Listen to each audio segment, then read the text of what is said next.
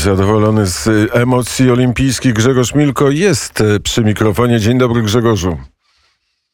Dzień dobry. Nie wiem, czy zadowolony, bo 24 miejsce naszej Ekateriny Kurakowej to nie jest szczyt naszych marzeń.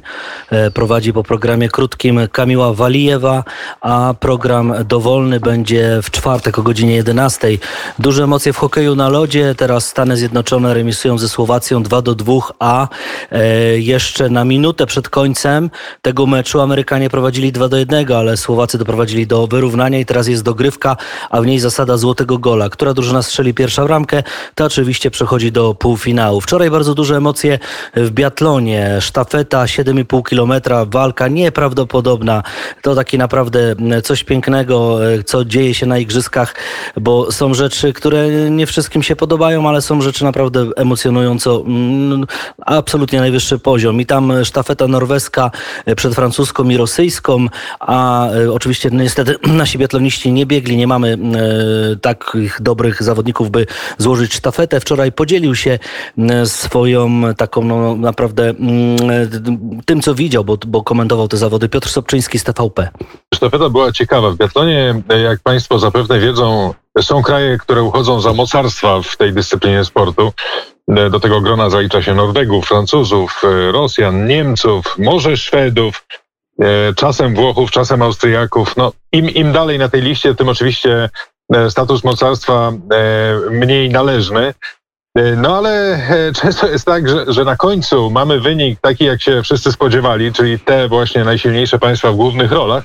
Natomiast po drodze zwroty są niesamowite, zupełnie nieoczekiwane i, i już się wszystkim wydaje, że będzie inaczej, że, że będzie jakaś sensacja, no a jednak potem kolejny zwrot powoduje, że, że wszystko wraca do normy. Dlatego biatlon jest taki ciekawy, dlatego biatlon tak się dobrze ogląda.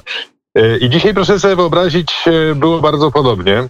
E, to znaczy, Norwegowie, którzy są mistrzami świata z ubiegłego roku, Norwegowie, którzy no, przyzwyczaili nas do tego, że mają bardzo silną sztafetę, wystartowali dość słabo, ponieważ pierwszy ich zawodnik, Sturla Holm Lagreit, zarobił jedną karną rundę, czyli słabo strzelał, troszkę próbował nadrobić w biegu, ale w strefie zmian okazało się, że traci 40 sekund e, do, do prowadzących. Potem e, następny Norweg, czyli Tari B, e, to już jest wielka postać, taka powiedziałbym, że Nestor tego zespołu.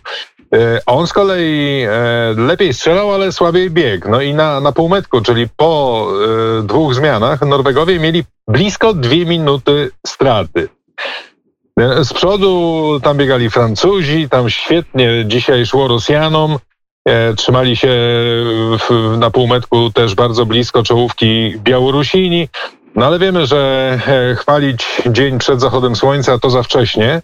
E, trzeba zaczekać na, na te kluczowe momenty, na ostatnią zmianę. No i tutaj, tutaj to się okazało w całej rozciągłości prawdą, albowiem Rosjanie biegli sobie swobodnie na pierwszym miejscu. Każdy kolejny imponował na strzelnicy. Na przykład Maksim Cwietkow, który dwa razy tutaj indywidualnie był czwarty, e, strzelił czyściutko, bez dobierania nabojów.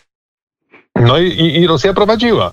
E, Edward Łatypow, który przejął po Świetkowie tę sztafetę i e, miał kończyć, czyli bieg czwarty, Pierwsze strzelanie zaliczył bezbłędnie. No, wszyscy tylko się rozpływali nad tym ochy i achy. Wydawało się, że zostaje do postawienia kropka na D. Czysta formalność. E, a e, rywale e, troszeczkę się podciągnęli, ale to cały czas była olbrzymia różnica, ponieważ Johannes Tingnes B zredukował stratę Norwegów do 43 sekund.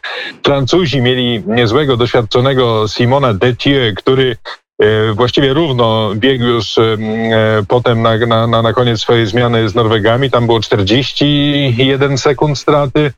E, no i Niemcy jeszcze też się liczyli. Doświadczony Benedikt Doll 43 sekundy za prowadzącym Rosjaninem. Tylko, że, tylko, że e, zrobiło się gorąco i zrobiło się naprawdę ciekawie w momencie, kiedy Łatypow przybiegł na strzelnicę po raz drugi i kiedy miał stawiać tę kropkę na D i od razu jakby z miejsca spudował dwa razy. Potem zaczął się szamotać z bronią, doładowywać, coś manipulować. E, mijały sekundy, przybiegli pozostali konkurenci, czyli ta, ta trójka Niemcy, Francja, Norwegia. E, Łatypow nie mógł się pozbierać. Kompletnie prawdopodobnie no już nie, nie chodziło o to, że on nie potrafi strzelać, bo potrafi, pokazał wcześniej. To przecież y, zawodnik, który dwa razy już tu medal zdobył na, na Igrzyskach w Pekinie. No tyle, że tutaj y, to, to, to było jak trafienie gromem. On po prostu rozsypał się psychicznie i zarobił dwie karne rundy w takim momencie, kiedy złoto dla Rosjan było właściwie już przyznane. Można zakochać się w biatlonie, mówił e, Piotr Sobczyński z TVP. A propos pudeł. Pudło wczoraj zaliczył Lionel Messi. Wróciła Liga Mistrzów, jedna ósma. Messi nie strzelił karnego w meczu Paris Saint-Germain-Real Madryt. E, Paryż i tak wygrał dzięki genialnemu Kylianowi Mbappé, który w 94 minucie strzelił gola zwycięskiego 1 do 0. W innym meczu Sporting poniósł klęskę z Manchesterem City 0 do 5, a dziś RB Lipsk, RB Lipsk zagra z Bayernem Monachium. No oby się nasz Lewandowski nie mylił, nie pudłował. Następny, następne studio olimpijskie 8.30 zapraszam.